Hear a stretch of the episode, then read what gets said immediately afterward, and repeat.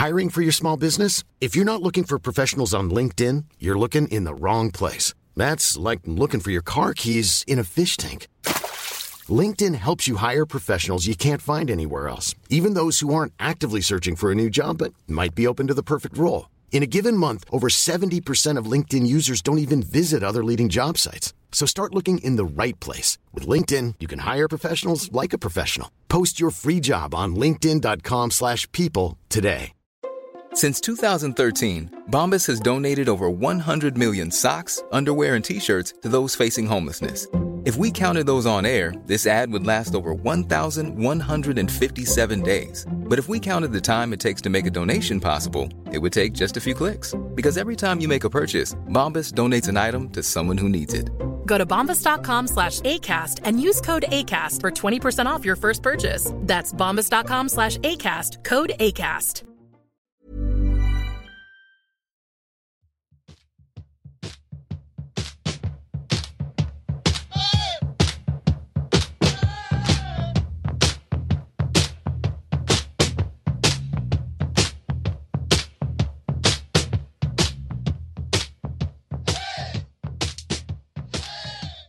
Hej och välkommen tillbaka till Poddplats H. Ett försenat avsnitt lite grann den här veckan, men så kan det vara ibland. En podd om hockey och sport i allmänhet och Björklöven i synnerhet. Hur är läget Josef? Ja, men det är ju helt okej, eh, måste jag säga. Det är ju lite, jag ska inte säga höstkänsla, för det är det ju inte, men det är lite kyligare och här blir det ju mörkt snabbare på kvällen än vad ni har. Och det har ju också att göra med såklart att det är aldrig riktigt ljust som det är eh, hos er heller. Så det, ja, men det, den här känslan av att men nu, nu börjar ju hösten snart, den är inte dum. Eh, det är väl lite som att sparka in en öppen dörr, men jag, jag tycker verkligen det. Liksom, men hockeysäsong och älgjakt sammanfall, det är ju bland det bättre. Och NFL ska sägas. Det är inte dumt. Själv då? Ja, men det är bra. Jag fick ju vara till Vimpos igår kväll. Eh, inte för första gången i år, men inför stundande säsong. Vilket var, var roligt att få känna ishallslukt igen och, och liksom känna lite grann på, på stämningen. Så där. Eh, jag och barnen åkte dit och eh, nej, men det, var, det var gött och, och trevligt. Vi ska prata lite mer om det lite senare eh, kring ispremiären där och så. Men annars är det bra. Eh, hälsan i behåll och, och så där. Och det har väl varit, vädret har väl varit lite sisådär till och från de senaste dagarna, men men eh, man får göra det bästa av situationen helt enkelt. Du, vad ska vi prata om idag då? Ja, men vi ska ju prata, vi har ju fast segment. Silly season tills dess vi har full trupp.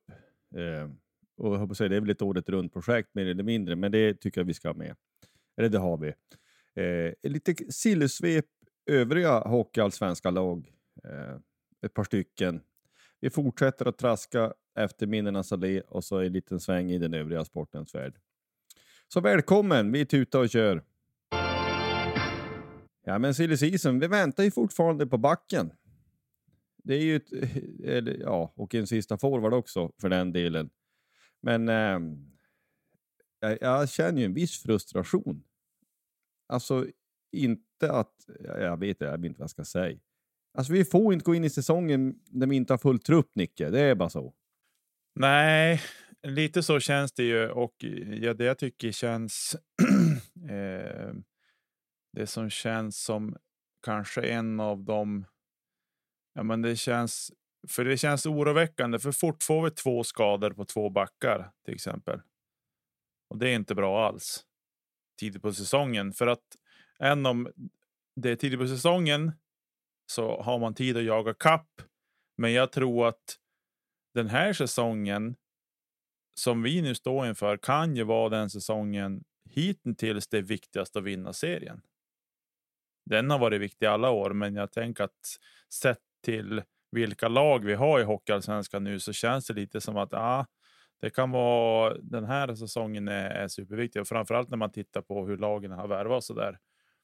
Eh, så det känns som att nej, men jag vill ha innerback. Men det som jag lugnar mig lite grann med det är liksom att Kent, ja, men vi har, det, det finns lite grann på bordet att jobba med och så där. Det känns som att vi har kastat ut en krok, men vi har inget napp. Det, riktigt så känns det inte, utan det känns som att de pratar med ett par namn. Eh, sådär. Det ska väl bara landa rätt helt enkelt och att de ska hitta rätt spelare. Spelare finns säkert, men de vill väl hitta så att det blir bra också. Som Kent alltid varit väldigt noga med att det ska funka med deras eh, ja, men, sätt att spela hockey, men även att det ska funka med övriga gruppen. Och det är klart att då lägger du in lite kriterier, då blir det inte vem som helst. Nej, och sen så är det ju en fråga om ekonomi också. att eh, alltså, Har du obegränsat med pengar så köp det vad som helst, så att säga. Men det har vi inte och uh, Kent är ju inte känd för så att, att uh, överbetala spelare, vilket jag ju såklart, alltså vi vill ha en god ekonomi och då kan man inte överbetala spelare. Sen så ska man väl inte underbetala heller. Um, nej men vi hoppas ju fortfarande på, det har vi tjatat om tusen gånger, men att en, en right back, för det är ju detaljer i spelet som man kan tänka, men alltså att kunna stänga sargen med mer än en gubbe, att det inte bara Jesper Lindgren som kan göra det till exempel i powerplay om han står uppställd så då. Beror på hur man vrider den där, det där PP, till exempel. Mm. Eh, så vill man ju det. Eh, sista forwardsplatsen har vi väl inte hört någonting, men vi kan väl, vi snuddar in på nästa segment, men vi liksom, är det den här, vad heter han, Axel Blom? Trodde att han kan vara aktuell för den? Han som har tränat med A-laget nu. Eh, Ja, kanske. Eh, alltså jag har inget emot om att vi har med juniorer i truppen som kan kliva in när vi får skador och sådär. Men jag känner mig kanske, och det, det är väl lite det som är trettonde forwardens roll också på något sätt att, att vara backup. Men jag skulle nog hellre se att han blir 14 i sådana fall. Eh, men Å andra sidan om de tänker att ja, men vi har en tillräckligt stark forwardsida just nu, vilket vi har, vi har en otroligt stark forwardsida, så känns det lite som att vi kan kanske tjå oss med investeringen tills nästa fönster. Eh, och att de kanske tänker att ja, men han kanske får ta den platsen då. Och så är vi lite ekonomiskt smart. Vi försöker spela ihop linorna för det ska nog spelas ihop lite formationer och sådär. Eh, spelet ska sätta sig. Och ja, så att, ja, kanske ändå att han, att han är den som blir tilltänkt för nu i alla fall. Eh, och jag menar, det, det lilla jag sett av honom nu, det går som inte att dra några stora växlar av det alls. Eh, eller ingenting alls. Det, det är ingenting, inget, inget underlag för analys om vi säger så. Nej, Nej, alltså det är, det är inte den här eh, säger, öppna, vakanta eh, platsen i truppen som är den stora grejen, utan det är ju backen givetvis.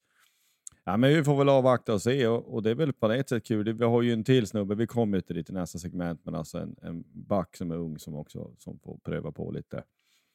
Men eh, ja, men vi fortsätter avvakta med det där och så får vi se och så eh, ja, men vi fortsätter helt enkelt. Löven har gått på is. Och, och, du som var där, hur var, var feelingen? Vi kan ju säga direkt, alla var ju med om jag förstått det rätt, förutom Powell. Det är väl artistskatt eller motsvarande som är sagt att han kommer i september. Men så, du har ju nämnt det lite, hur var feelingen? Jag måste, innan du, eh, salufördes massariner? Som jag förstår det, ja. Jag var inte förbi eh, den kiosk som var öppen och kollade av, men som jag har förstått det så ja, det, det salufördes. Tack. Eh, och nej men feelingen, nej men det var gött åka dit. Åka samma väg till arenan, parkera där man brukar efter samma gata. Eh, det är, man har som ett vanemönster inbyggt i sig, vägen dit och sådär. Eh, åkte dit, tog med mig ungarna. De var spända för bara, hur länge ska de spela en hel match? Vilka möter de? Jag bara, men det är en intern match. De möter som varann, som när ni spelar på träning. Jaha, okej. Okay. Eh, vad blir det för domare då? Alltså så här mycket detaljer som var viktigt för dem Jag bara, du jag har ingen aning. Sådär. Så, Pierre Schilken. eh, och sen när de väl då såg domarna, det var ju några juniorkillar som fick kliva in två stycken och, och var domare. Det var så här, pappa, är det där domarna? Och så utbrast de med skratt. Eh, så det var väl vad det var. Men, nej, men det var kul att fara dit. Det, var en, det är en speciell känsla att tåga in till Vimpos, se den där fasaden och, och gå dit och kliva innanför dörrarna. Så, där. så det var ju kul. Eh, feeling så här, men, ganska gott om folk. Eh, jag har ingen aning om hur mycket, men jag, 1500 kanske. Jag vet inte, Mm. 1500, 2000. Det är väldigt svårt. Jag har svårt att uppskatta det när man ser på en läktare. Det var, nedre etage var väl ganska fullt. Eh, eller nej, fullt ska jag inte säga, men det var ganska mycket. Jag skulle säga kanske 75 procent fyllt på långsidorna. Eh, Ståplats H var väl inte så mycket folk på. Det var väl som en, en tråkig hemmamatch i division 1 ska jag väl säga ungefär. Eh, och sen andra kortsidan var väl inte heller där mycket folk. Och övre etage, i alla fall på den sidan där vi satt, så vi satt på spelarbåssidan och jag vet inte hur det var på det etaget uppe, övre etage där. Men på sekretariatsidan på övre etage så var det inte, det kanske var 25 till 50 pers ungefär. Svårt att säga.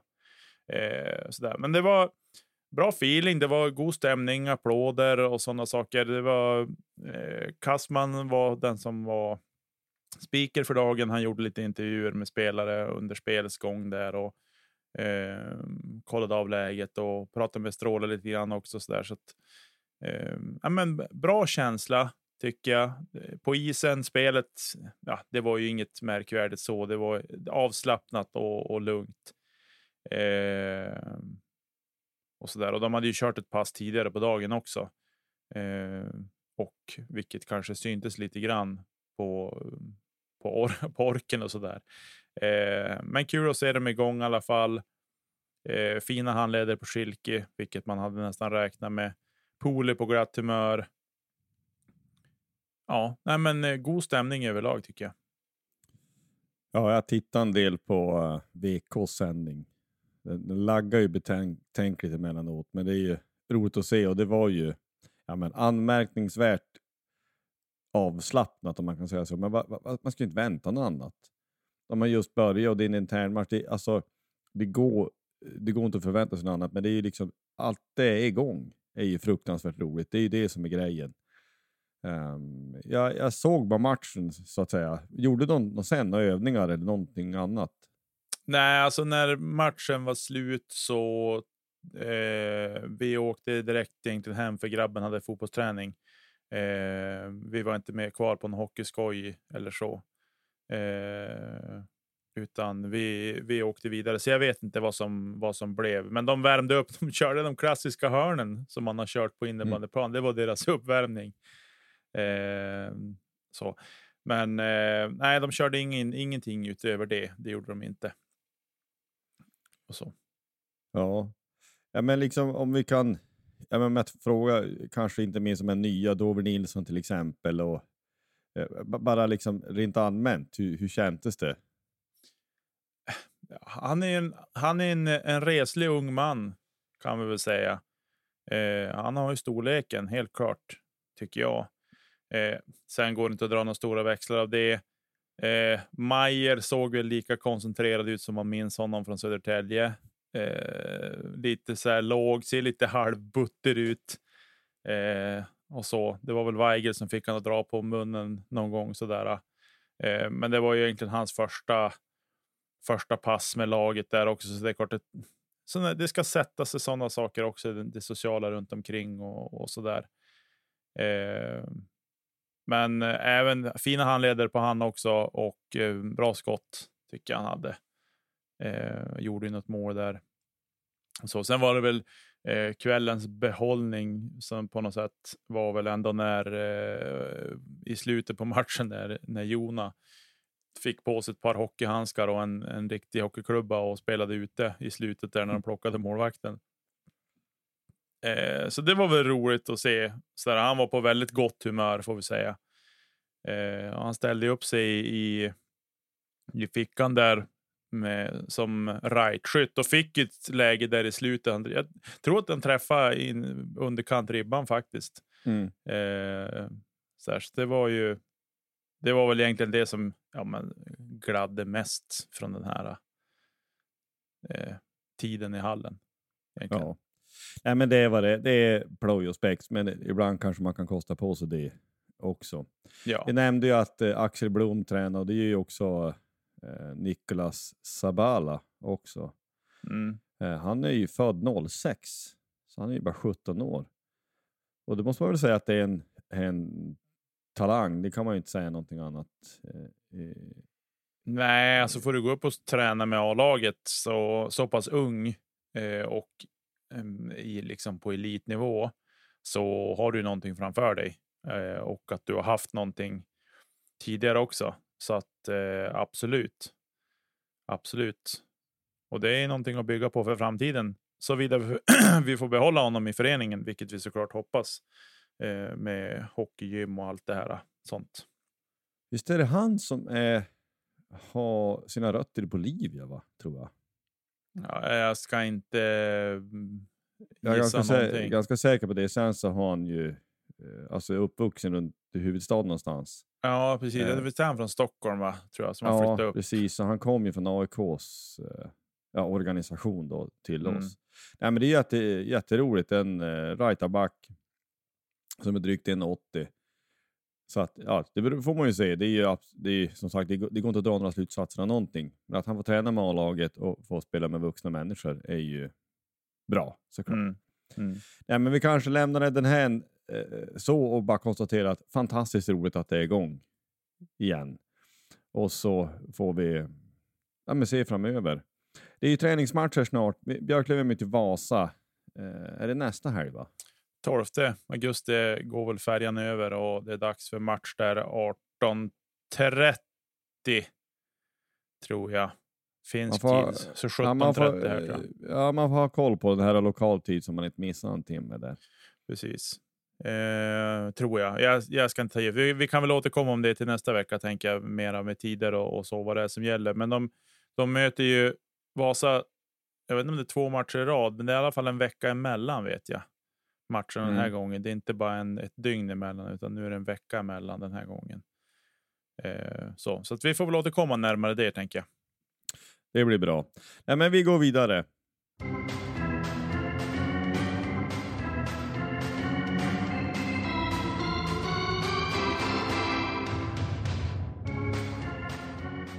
Ett litet sillysvep. Och vi kan väl säga direkt, vi har ju inte riktigt ambitionen att i detalj gå igenom alla Björklövens motståndare i Hockeyallsvenskan. Alltså den, eh, det är lite för, för stort projekt. Utan det är lite nedslag och eh, sådär som vi kan tycka är- vara intressant.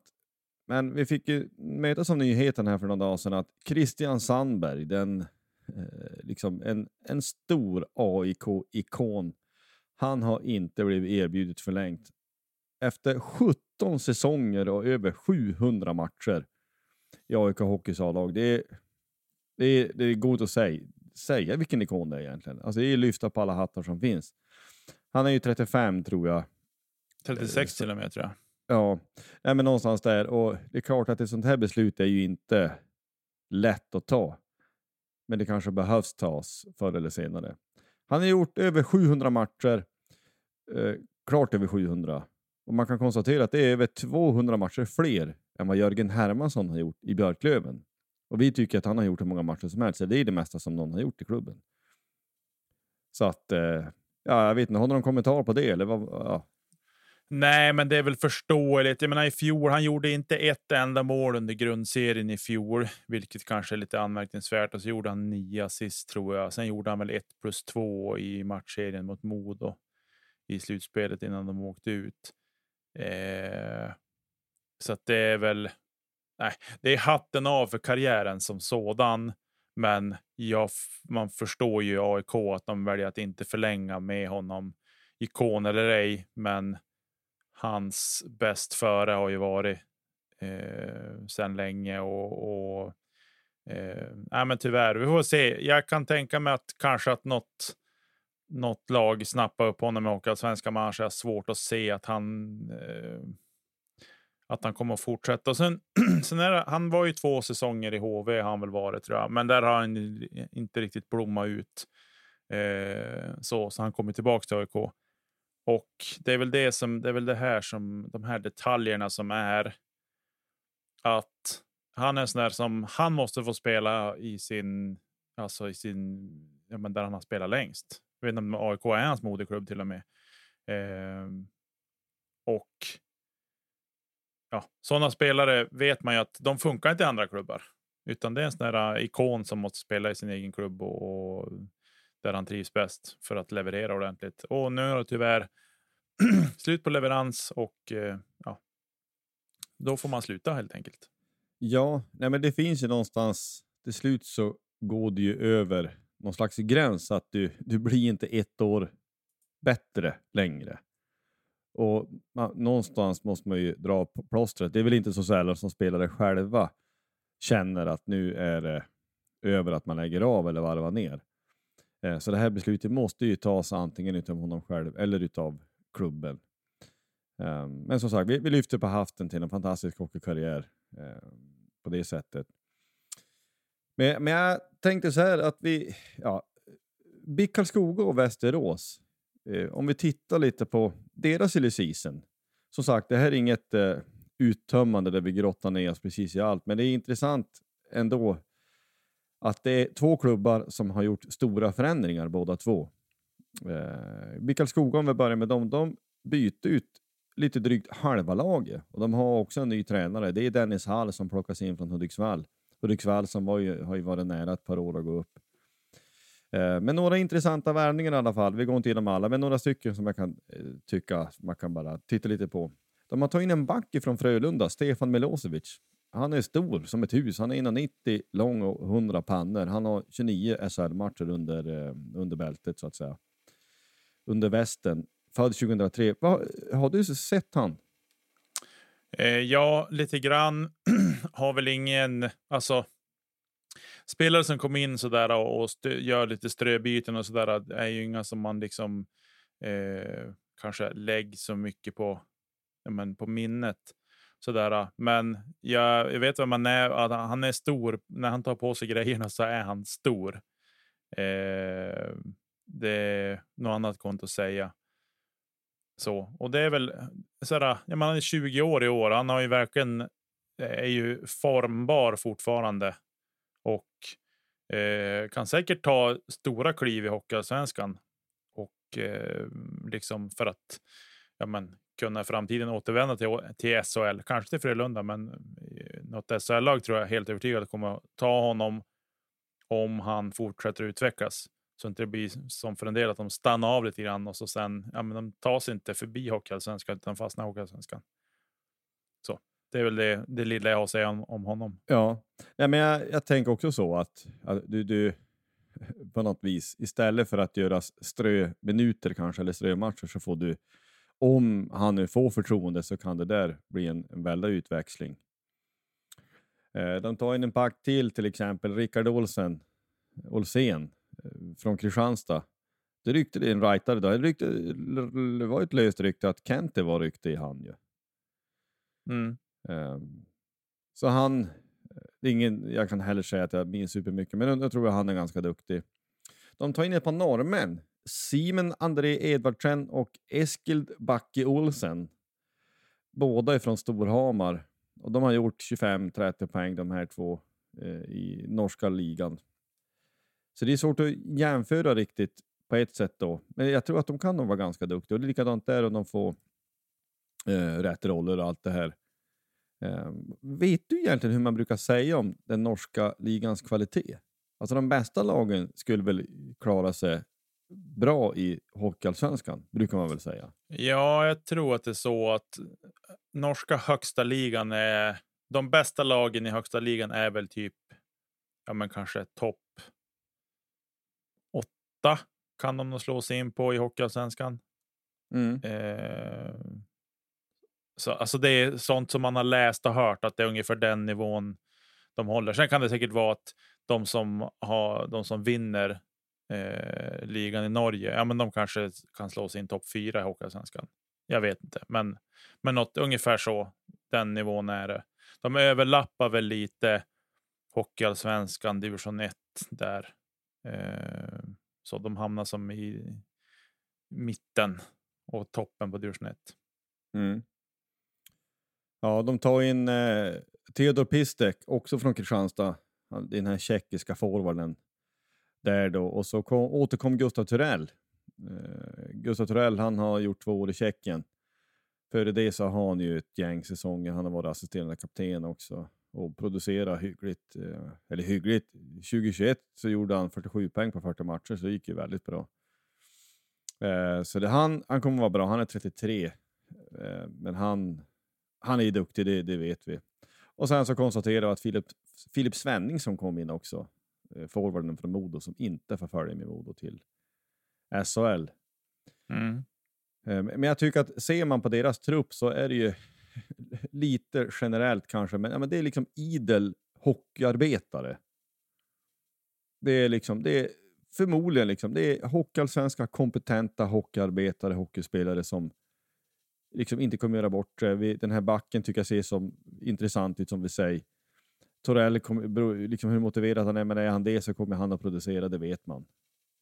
Ja, man vet ju redan nu. Liksom, första i, i Nobelhallen kommer han att smälla in två första pärran där. De får två billiga powerplay så har han smält in bägge två. Det, har, det vet man redan nu.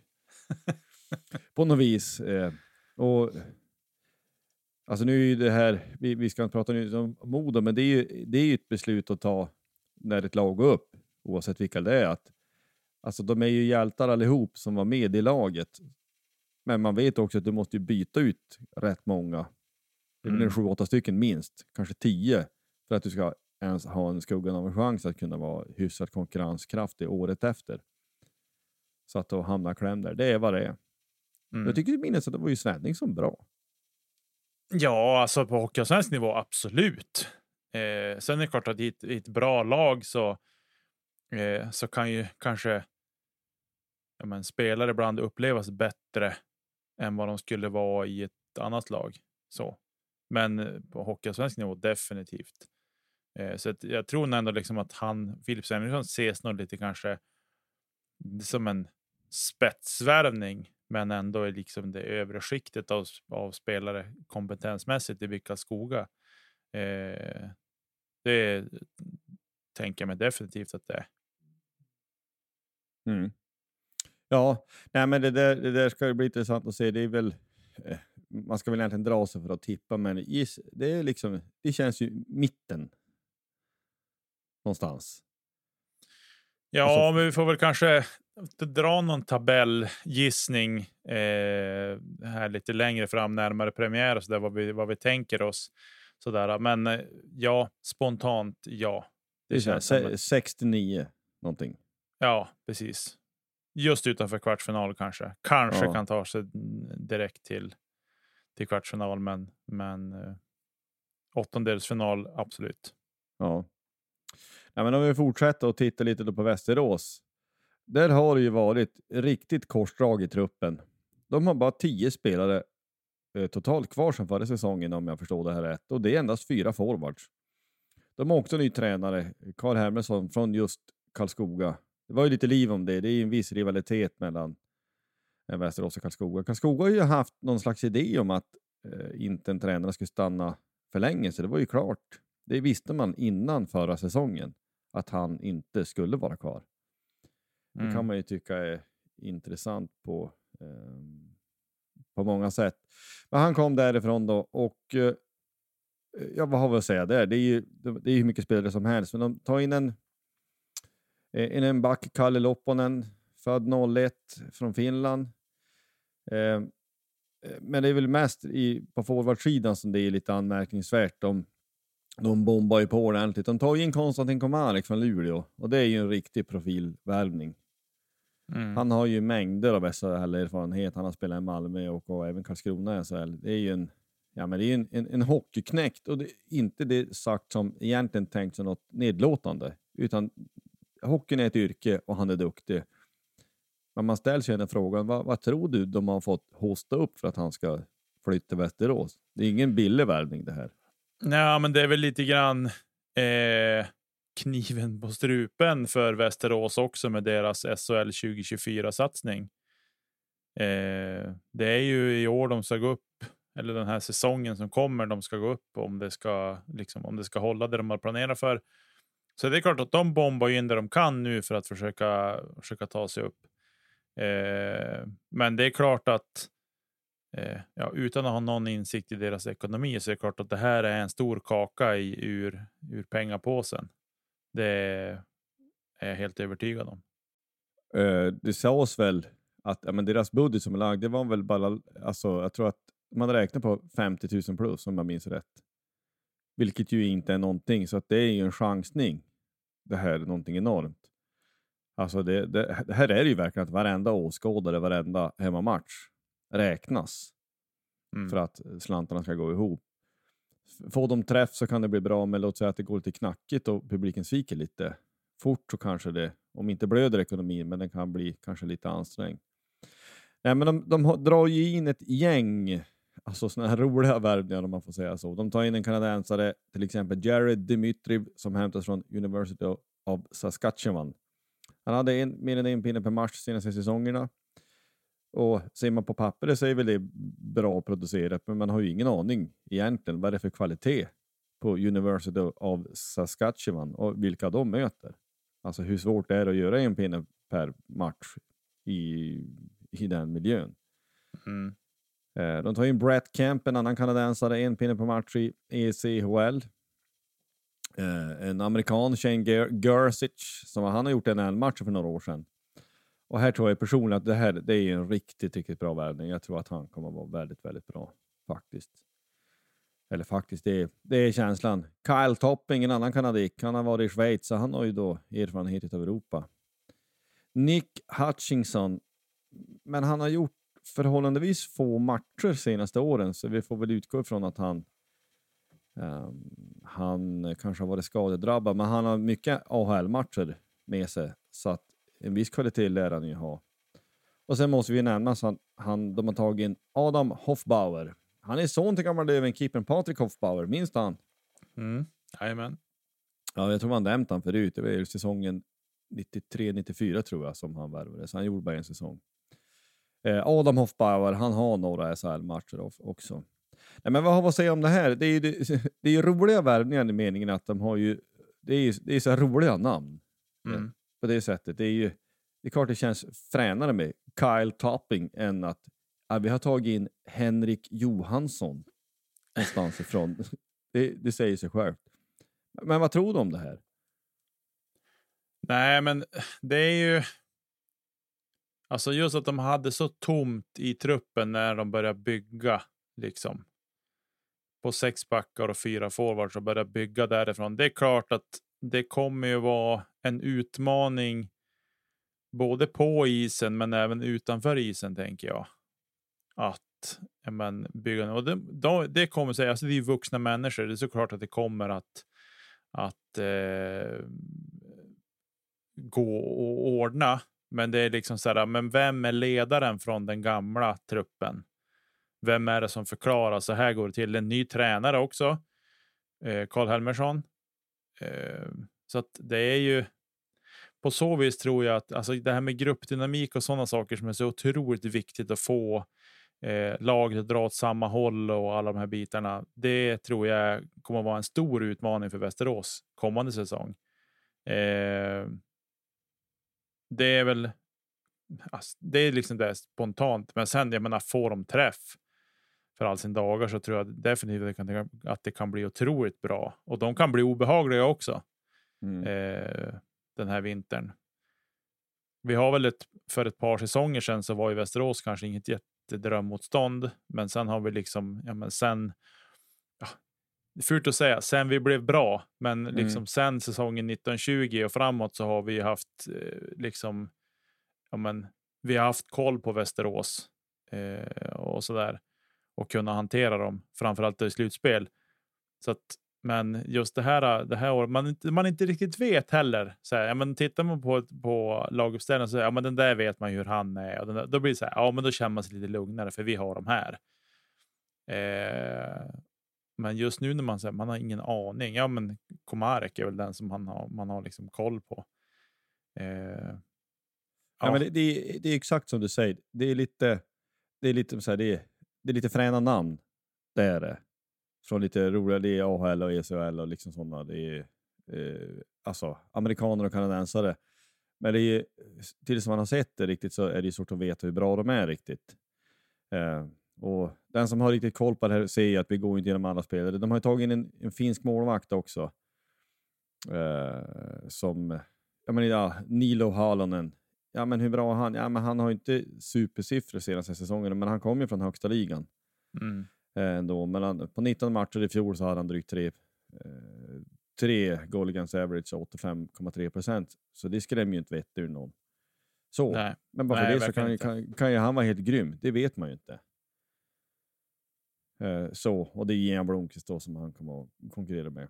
Nej, men det, det är ju på något vis intressant, men det är ju ett stort frågetecken också. Får de träff så kan ju de vara och sniffa topp fyra, absolut. Men går det knackigt så kan de bli 9-10 lika gärna. Mm. Eh, som jag ser det. Så det här är ju lite, lite upp, eh, uppe i det blå så att säga. Nej, men det ska bli intressant att se eh, också eh, hur det där kommer landa. Sett till ja, men deras lite kaxiga målsättningar, sett till hur otroligt knackigt det gick i fjol så var det väl inte något annat att vänta än att det skulle bli en stor städning. Att den får, ja, inte början från början, det är väl rebuild on the fly. Men om det faller väl ut, det är ju långt ifrån säkert. Men känns inte det här lite som, vi ska, vi ska inte dra några paralleller egentligen mot NHL, men när NHL bygger om, alltså när NHL-lagen bygger om, liksom så här, ja, men då tar man ett par säsonger där man är dålig och man, man tar sig inte till slutspel och, och sådana saker för att man bygger om sitt lag. Känns det inte lite så med Västerås också, men att tajmingen är usel för det är år de har som mål att gå upp? Alltså på ett sätt, men det är mer som jag säger, jag tror det känns mer rebuild on the fly. Alltså, om vi jämför med NHL, så Montreal är ju inne i en rebuild. Mm. Alltså på riktigt, där du bygger om från grunden. Att du, du bygger om, du försöker drafta bra, du liksom gör moves där du tar in yngre spelare och byter ut äldre. Där vet man att eh, det, den här säsongen som kommer, Montreal kommer inte vinna någon Stanley Cup då. Men det är heller inte det man går för. Du går alltid för att vinna alla matcher. Ja, det gör alla lag. Men det, det vet man. Men förhoppningen är ju där att om två, tre år, då kommer man att vara contenders. Därför att du har byggt laget rätt. Däremot är det ju andra lag som i grunden kanske är, man är och sniffar på slutspel och då med rebuild on the fly, du, du byter ut en del och det kan vara ganska många, men du försöker skruva på saker. att Du, du tycks ha någon slags kärna i en trupp som är tillräckligt kompetent för att gå långt. Så det är väl snarare det jag kan se som Västerås. Alltså de, de bygger ju inte om i meningen att ja, men vi börjar från början. Vi, vi satsar på att inte åka ur. Och sen så tar vi in yngre, billigare och sen så ska vi vara bra om några år. Så uppfattar jag det inte. Utan det är ju liksom, det är en, en satsning. Men alltså, jag har ju svårt att se, alltså det ska ju vara årets praktknall i svensk hockey om Västerås skulle vara nära att gå upp, i min värld. Eh, Det är, bara, för att man säger så så kanske det blir så då. Men alltså det, då, då måste man ju få ut superträff på varenda amerikan och kanadick, att, att de ska göra sina livssäsonger. Typ, och det kan väl hända. Och gör de det så kommer de att bli farliga. Mm. Men jag, eh, Konstantin Komark, hur bra han än är, så har jag svårt att säga att han liksom ensam ska föra Västerås till, eh, till några SHL. Men det ska ju spelas om, så det får man ju se. Nej, men det är min syn på det. Eh, lite rebuild, men mer som sagt då, rebuild on the fly och inte att man bygger från grunden. Inte så. Mm. Ja, vi får väl som sagt var se. Vi får väl återkomma mera eh, så här inför säsongstart och så vars vi tänker oss att att eh, både BIK och Västerås hamnar. Men Västerås känns så här möjligtvis kanske topp 6. Mm. Borde kanske vara topp 6. Men eh, ja, jag tror det är femma, sexa någonstans. Tänker jag. Spontant. Nej, men det är ju det är ju som du säger, att det är så många andra lag som är bra. Alltså vi vill ju räkna oss som ett, ett topplag. Djurgården vill man ju räkna dit. Brynäs definitivt, som jag vill se som egentligen stor favorit givetvis för hela serien och alltihop. Eh, De är ju där. Ja, men det innebär att då har vi ju en tre, fyra lag redan innan och ser att de ska passera dem då. Ja, men hur ska det gå till? Inte vet jag. Mm.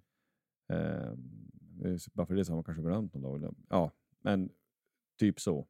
Ja, men vi får följa upp det här så får vi se. Och vi kommer kanske att följa upp lite fler lag och en liten, någon lite löst sillysvep. En, en liten titt på ett par lag den här veckan blev det i alla fall.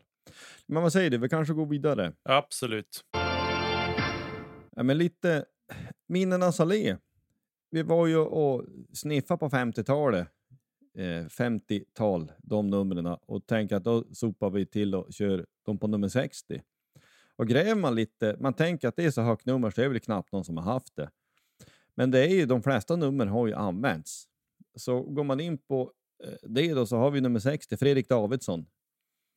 Det var ju någon säsong, eller var det flera, där var det Motorcentralen som fyllde 60 år, var det så? Jag vill minnas det. Han hade ju i alla fall nummer 60, men då såg ut som en vägskylt 60. Just det. Mm. Uh, utomordentligt fånigt, tycker man ju så här i efterhand. Jag vet inte om man reflekterar över det då riktigt. Det, var, det låg i tiden då att göra så. Ja, ja men det var ju liksom en, en habil hockeyspelare på sin tid och han, jag minns han gjorde ju några mål på, alltså sam, något derby gjorde han ju mål där. Någon isare under, vilken målvakt nu, apskaften hade. I alla fall. Ja, men han hade nummer 60. Nummer 61, det är ju Johan Jarl för mig. Eh, han har ju också varit kapten i, i tider. Eh, så det är ju, nu fick ju Malte Sjögren det numret, så han kommer ha det den här säsongen. Men eh, 61 är Johan Jarl. 62 är ju en annan gammal hjälte, också en gammal kapten, Mats Lavander. Mm. Han har ju haft andra nummer också, men 62 hade han ju bland annat återkomsten när han kom tillbaks. Mm. Om jag minns rätt. Eh, 63 har jag inte hittat någon. Eh, eller vi inte hittat någon. Men 64, Axel Eriksson, det var ju den senaste säsongen. Mm. Eh, så, och så prövar han ju, eh, ja helt enkelt. Han ska spela för Växjö i deras J20 nationell. Född 2004, så han är ju en, en talang. Han är väl från ja, Dalarna, var han är från början. Um, så det kommer säkert att, att, kunna bli bra det där. Eh, 65, en liten krypare där. Igor Matorskin. Han har vi nämnt tidigare flera gånger och han hade ju inte det numret när han så att säga spelade ordentligt. Men det är säsongen 05-06 som jag gissar att man har registrerat på grund av skador. Han är född 65 så han var ju 40 och 41 år där någonstans. Så jag tror inte han gjorde många skär, men det var väl för säkerhets skull för att täcka upp lite. Så att 65 finns registrerad. Um, 66, André Ekström. Det var en egen junior som gjorde matcher säsongen 14-15. Jag har inget minne av det överhuvudtaget. Nej, inte jag heller. Men eh, så är i alla fall fallet. 67 minns vi bättre. Det är ju Francis Perron. Ja. Alltså var inte han egentligen en, en riktig målskytt, men vi fick inte ut riktigt. Inte kanske inte, ja, jag minns, alltså i grunden tycker jag han fina handleder och han, han var ju bra egentligen. Ja, jag tror inte riktigt att vi fick ut det vi ville av honom. Eh,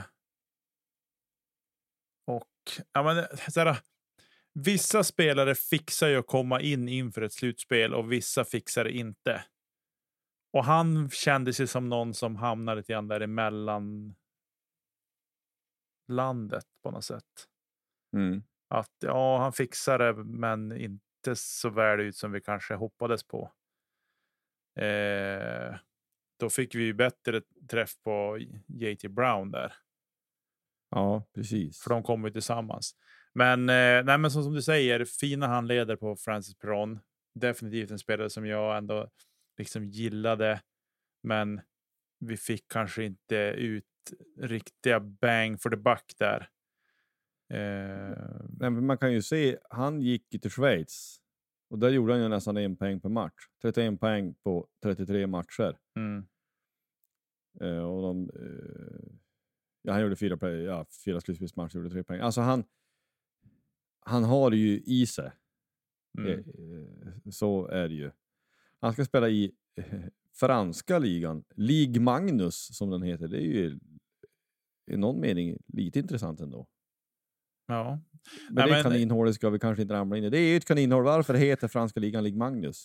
Sånt fort kan man ha lagt minuter på det. Ja, en, känns det inte grann som med Francis Perron också, kanske att den schweiziska hockeyn passar honom bättre än den hockeyallsvenska hockeyn? Eller svensk hockey, men hockeyallsvensk hockey är ju på sitt sätt speciell också. Men att han kanske passar bättre in där. Ja, men det tror jag också. Eh, som man tycks ha fått för sig så, ja men vi åker mycket skridskor i, i Sverige generellt. Det ska åkas, åkas, åkas. Schweiz är, ja, det är klart att de inte är slapp och lat, men det är lite mera böljande. Det är inte lika försökt att vara strukturerat kanske. Och det finns kanske då mer utrymme för individuell skicklighet. Alltså är du duktig, eh, har, har bra teknik och har bra spelsinne så kanske du får större utrymme för det. Jag vet inte. Mm. Men man har väl fått en, fått den feelingen i alla fall. Och sen hur man används, som vi har pratat om tidigare. Ja, men du kanske inte kan ta en spelare som har spelat i första andra linan över tid och sätta en sån i tredje, fjärde heller.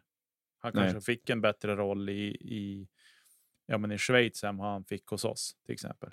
Ja, Nej, men det är nog möjligt. Ja, men en sån kille, nu, nu fick ju han spela en del powerplay vad jag minns, men alltså, han ska ju starta alla powerplay. Mm. Givetvis. Alltså det är ju en renodlad offensiv spelare som, som ska användas som det också. Mm. Ja, vi kan konstatera också då, det är ju, känner vi till, nummer 68 det är Elliot Ekefjärd. Eh, och den enda som har haft det vad jag förstår. Mm. Eh, och sen så på 69 hittar jag ingen, eller hittar vi ingen. Så det är några stycken i alla fall. Dock är det lite så här som den gamla gubbgriniga gubben man är. Så vissa nummer ska du ju inte röra. Ja men 66. Vad är det för något? Alltså Mario Lemieux nummer, ja, men det är ju han som har i hockeyvärlden. 68 är för mig det också, lite så. Ja men Jaromir Jagr. Mm. Va? Det är sjukt. Jaromir Jagr, han gjorde ju matcher i tjeckiska ligan säsongen som gick. Ja. Karn, liksom, ja, ja, det är, ja, man vet inte vad man ska säga. Nej, men det är lite grann så. Och det kan vi säga, det, kanske vi kan ta det redan nu. Det finns ju människor, det finns spelare som har reggat för nummer 99 i Björklöven. Det kan jag säga direkt, de kommer inte nämna med ord en enda utav dem. Därför att eh, någon slags eh, hejd på dumheterna får det finnas. Det finns en hockeyspelare i världen som någonsin kan med rätta sägas använda nummer 99 och han heter Wayne Gretzky och ingen annan. Så enkelt är det. Ja, men där har vi det. Fredrik Davidsson 60, 61 Johan Jarl, 62 Mats Lavander, 64 Axel Eriksson, 65 en slamkrypare Igor Matorskin, 66 André Ekström, 67 Francis Perron och 68 Elliot Ekefjärd. Där har vi det.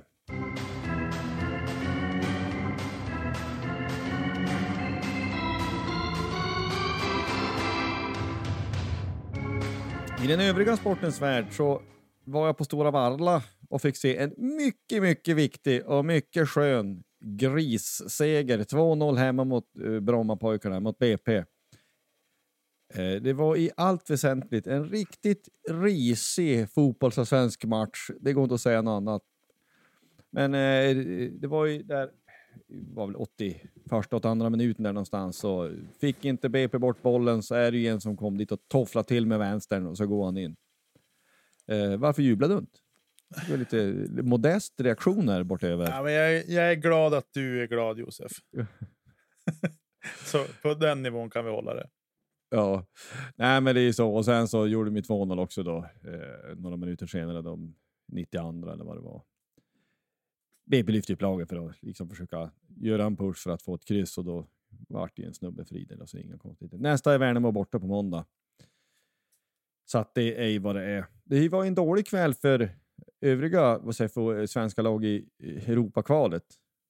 Eh, Kalmar har åkt ur. Häcken har ju åkt ut i Champions League-kvalet mot något färöiskt lag.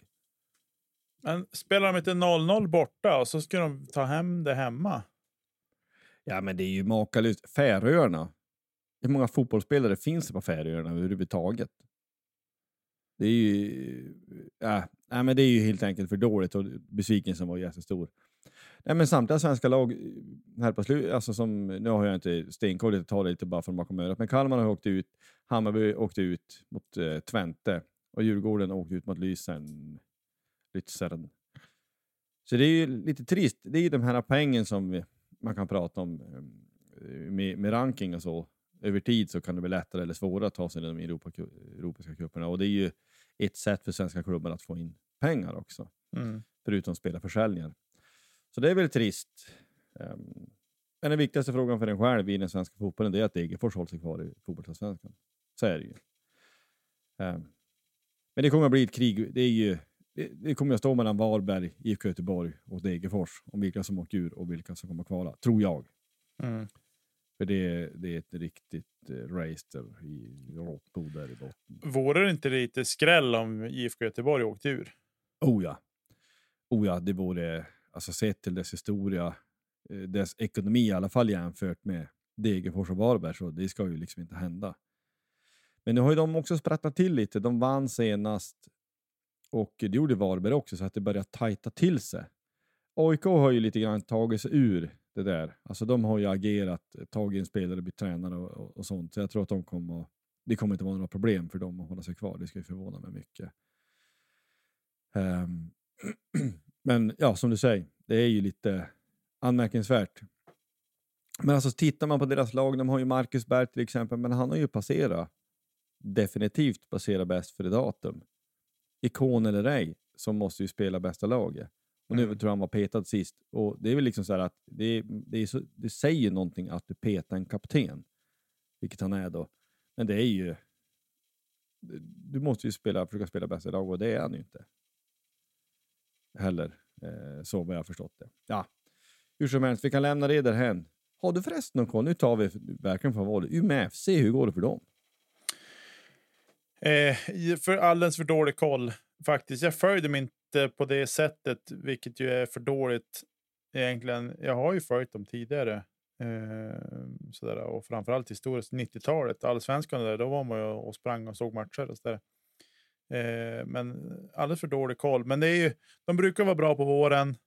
Sommaruppehållet kommer och så när de är dåliga på hösten och så sen blir det någon mittenplacering eller nedre halvan till slut ändå.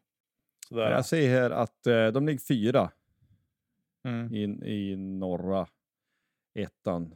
Men de är några poäng upp. Det verkar vara ett race mellan Sandviken, Dalkurd och United Nordic. Vars nu de kommer ifrån, det har jag ingen aning. De är sju poäng före Umeå FC och det är väl i och för sig då att eh, du har ju trepoängssystem så att det kan väl gå snabbt att avancera, men det verkar ju vara... Mm. Ja, man släpper in för mycket mål. Eh, helt enkelt. Ja, det får man kanske följa upp och de som är duktiga på Umeå FC, de vet ju det redan. På ett sätt. Det, det är ju ändå... Det är väl likadant som Karlstad. Jag vet inte om vi har nämnt dem förut. Alltså så pass stora städer. Det bor 100 000 i Karlstad också. Karlstad och Umeå är ungefär lika stor. Att fotbollen inte är bättre. Nej, men, eh, Umeå är ju en idrottsstad och där Björklöven är ju det överlägset största varumärket. Eh, och vilket då gör att, jag menar, om man tittar man liksom historiskt sådär, eh, vi har haft eh, Björklöven har varit Hockeyallsvenskan och division 1, men nej, nu Hockeyallsvenskan har varit så under lång tid. Eh, tittar vi på damfotbollen så har Umeå IK varit en dominant i Europa till och med eh, tidigare, men har ju nu liksom ja, men ramlat neråt och kämpat på. Eh, vi har IBK Dalen och tidigare Iksu innebandy som har varit liksom och spelat SM-finaler, har SM-guld. Eh, vi har även Eh, liksom, ja, men nu har Thorengruppen kommit in och de har tagit SM-guld innebandy, innebandy på damsidan. Eh, herrlaget. Alltså vi har stora klubbar som är högt upp i, i seriesystemet i andra idrotter också. I basketen likaså. Nu är det ju ekonomiska problem där.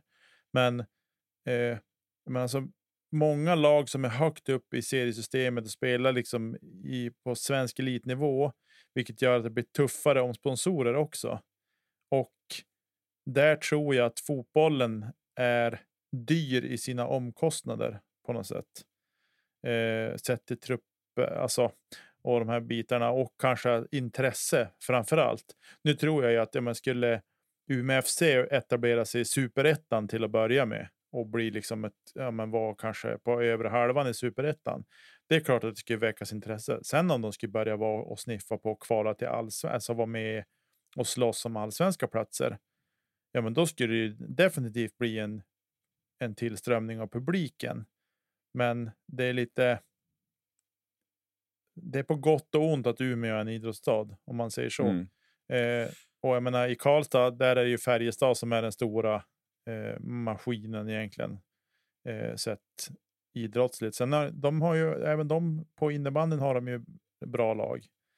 Eh, så det, Nej, men det, är, det får man nästan säga att det är Färjestad ännu större än vad Björklöven är. Ja, precis. Jo, Det, men det, är liksom, liksom, det är ja, det som de är- men, men jag håller med dig, det, liknelsen är, är klockren ändå. De, de är störst. Och att de har varit, tidigare var de ju Sverige-ledande i amerikansk fotboll och det fick ju en del uppmärksamhet, men det är ju en, en sport som inte ens är i närheten vad fotbollen är i någon mening. Nej. Ehm, och sen så innebandyn, de gick de upp här nu här laget? Eller ja, de var då kvalade vill jag minnas. Också från bakom örat, det borde man kanske ha koll på. Men de hade ju någon så här Karlstad United, någon så här sammanslagning, ett, försök liknande Umeå FC way back. Alltså försöka liksom spetsa till det, men de har ju inte fått det till att lyfta. Och det är ju svårt ja, men för Umeå FC att, det, det är klart jag tror att de har en, en, en bra akademi med, med, med norrländska eller västerbottniska mått mätt. Men det är ännu mer så att minsta lilla talang så drar det ju Mm. till bättre klubbar. Så att få färdiga A-lagsspelare är ju svårt, alltså som är riktigt bra gör skillnad. Och liksom värva ihop ett lag är väl mer eller mindre omöjligt. Eh, på det sättet att den ekonomin finns, finns inte. Eh, så, så det är ju svårt. Eh, helt Mm. enkelt. Men eh, ja, det, det vill jag i och för sig att du får till slut en träff så att du kanske går upp eh, och sen så får lite större ekonomiska mus muk- muskler. Mer sponsorer så för Superettan. För jag menar Degerfors mötte ju Umeå FC, det är ju kanske ganska många år sedan nu, i kval till Superettan, vet jag. Eh, Det är ju inte Mm. Degerforsarna sena Jo, men det är det, om Man vi- hör att man är från Västerbotten. Nej, men om du, det är liksom, om du säger så här, Björklöven går upp i SHL. Eh, säg att Vännäs skulle ta sig upp i Hockeyallsvenskan. Eh, nu är Vännäs en egen kommun och sådär, ah, men det är ändå många företag som jobbar i bägge orterna så att säga och det är nära till hans. Eh, liknelsen så att ja, men, Karlstad har Färjestad, inte jättelångt till Karlskoga där de har ett hockeyallsvenskt lag. Eh, ni har Degerfors som inte heller är så långt ifrån. Liksom, det börjar bli tunga ekonomiska grupper som slåss om samma sponsorer och sådär. Mm. Eh, och då är det det, vilket är starkaste varumärket? Vars syns vi bäst och får bäst bang for the buck? Det är sådana saker de spelar in. Och där är ju tyvärr inte fotbollen i Umeå idag alls. Eh, och sen handlar det lite grann om organisation och sådana saker också. Så det går inte att säga annat att när Roland Arnqvist som idag är bilförsäljare eh, var i och drev Umeå IK och liksom sådär och jobbade med det. Det går inte att, blunda för, för den tiden att Umeå IK var en stormakt i både svensk men även europeisk damfotboll. Mm. Eh, och ja, tyvärr så är det ju historia idag. Man har liksom inte kunnat ta tillvara på det. Nej, men alltså det som händer inom damfotbollen är väl också att de, ja, men liksom de stora klubbarna i Europa har eh, en efter en starta och tryckt pengar i damsektioner. Ja, men allt från PSG, Real Madrid och Liverpool, allt vad de heter. Och det är ju i och med att de pengarna vi pratar om där, det är så astronomiskt historiskt sinnessjukt så att, att de liksom värvar ihop ett, eh, ett, ett damlag som kan vinna eh, liksom, eh, damernas Champions League, det är ju peanuts. Mm. Eh, Men som du säger, att det var ju otroligt, det är väl 20 år som det på bli. När, när Umeå gick ja, med...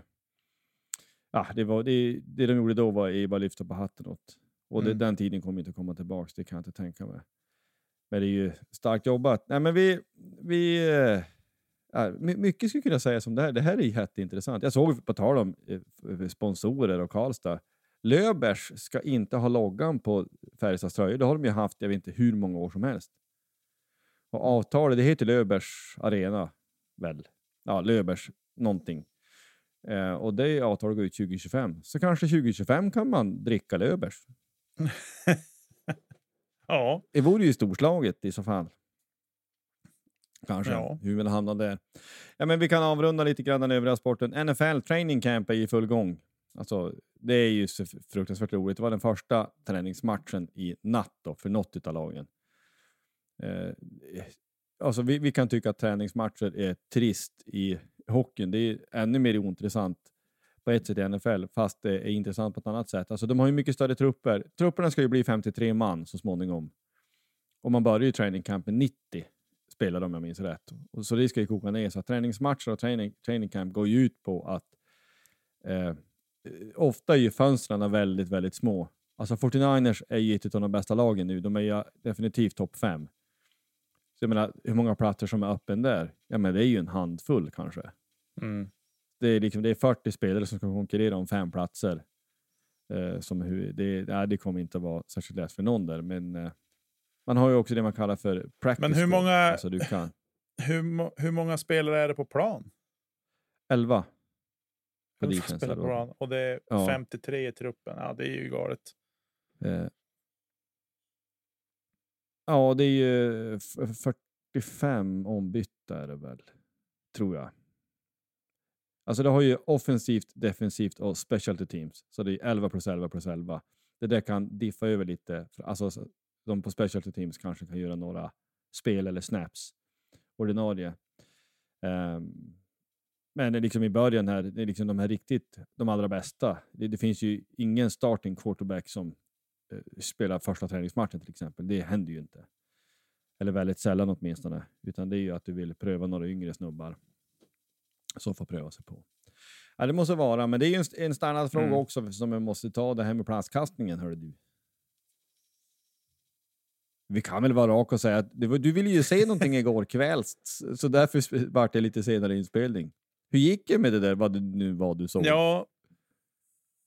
Ja, det är ju Ledgestone Insurance Open som gick av stapeln, eller som startade igår, den första av fyra runder.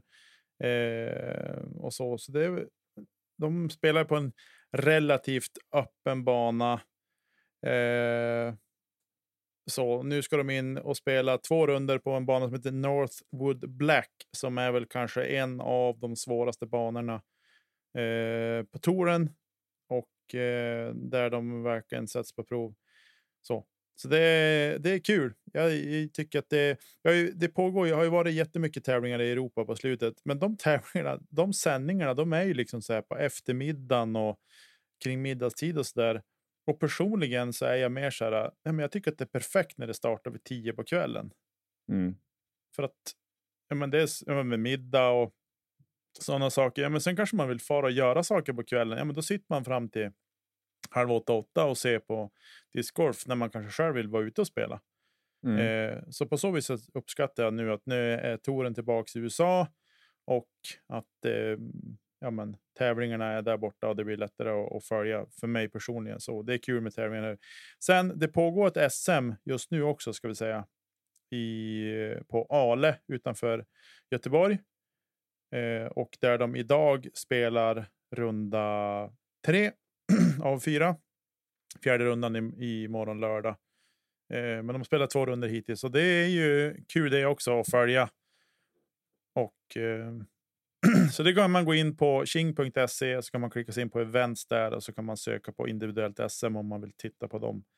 Vad som händer där. Det var något inslag på Sportnytt läste jag mig till här igår kväll, igår torsdag tror jag. Något kortare inslag från tävlingen. Eh, och, eller om det var från någon lokal media, men jag tyckte att det var SVT som hade varit på plats i alla fall. Det är ju riktigt kul. ju. Ja, eh, jag tycker att det är lite synd att inte discgolf. Nu har ju discgolfen historiskt sett på SM-veckan visats i tv, men jag tycker att just i alla fall SM borde man kunna ha bättre koll på. Eh, med tanke på andra sporter som man väljer att följa SM i som kanske inte är lika stor som discgolfen är. Eh, vilket jag tycker är synd. Och en sport som har överlevt till skillnad från padden som kämpar med respirator för att överleva. Ja. ja men det, är ju, det är ju intressant och anmärkningsvärt. Det är väl också, alltså discgolf, det har vi varit inne på förut tror jag, alltså ganska lättsam sport. Alltså, eh, det, den är inte jättedyr egentligen. Alltså några diskar, det är inget liksom hemmansvärde du behöver hosta upp för att du överhuvudtaget ska kunna börja. Det kanske i någon mening inte är i padden heller, men, men, men paddel det ska hyras och det var ju tider och det var ganska dyrt. Jag uppfattar att, att discgolf är en relativt billig sport att hålla på med. Och så får du vara ute. På Ja, precis. Den har ju sina för och nackdelar. Regn och blåst är ju kanske inte så superroligt att spela i. Eller vintern för den delen. Men Eh, det där är ett kaninhål, Josef. Det är billigt att starta, men sen eh, när, det, när det skenar iväg så att säga så eh, kan det bli annat. Ja, Nej, men det, är precis, ja, men det är ju som med allt. Det är ju så, alltså, det, den övre gränsen existerar ju inte, men den undre är låg. Precis. Ja. Nej, men det, det är vad det är. Men vi får väl kanske avrunda lite så. Jag skulle bara ställa en fråga. I den här amerikanska tonen då, som är den, den största, är det någon svenskar med där? Eh, på den här tävlingen som är nu så är det inga svenskar med och tävlar eftersom att SM pågår. Eh, och så pågår även de kanadensiska mästerskapen samtidigt. Och där har vi en, en kille som, ja, han är från Kanada men han har bott i Sverige länge och tävlat på SM tidigare år också som är med och spelar. Eh, som jag är lite bekant med. Eh, men eh, ja, det är svenskar som är med och, och tävlar på, på proffstouren i USA. Det är det. Inte just den här tävlingen. Och sen nu om ett par veckor så är det VM också. Eh, som ska bli väldigt kul att följa. VM är ju liksom den överlägset största eh, majorn för året. Helt klart. Och det är klart att titulera sig som världsmästare, det tackar man inte nej till. Nej, ja, det är klart. Nej, men det får vi följa upp. VM kanske man skulle själv idas kolla lite också om man har. Det är inte så att man inte har sporter i övrigt man följer, men eh, kanske man ändå skulle kolla lite på. Det tycker jag. Ja, hur som helst, vi tackar och bockar för att ni lyssnar. Vi är glada för all respons vi får och alla hejarop och uppmuntringar. Ta och, eh, vi får ju nya lyssnare he- hela tiden. Och Det tycker man ju är intressant att det finns de som kanske inte vet att vi finns ens en gång. Så dela detta med en Löven-kompis och dra mer med på det här tåget mot SHL som vi förhoppningsvis försöker jacka in oss mot. Vi finns på sociala medier, Twitter, Facebook eh, och Instagram. Ni hittar oss på Poddplats H. Eh, vi har en mejl också, poddplatsh.gmail.com. Där kan man också nå oss om man vill det. Och i övrigt så vet jag inte vad vi har att säga. Nej, vi säger tack och adjö för den här veckan. Forza Löven!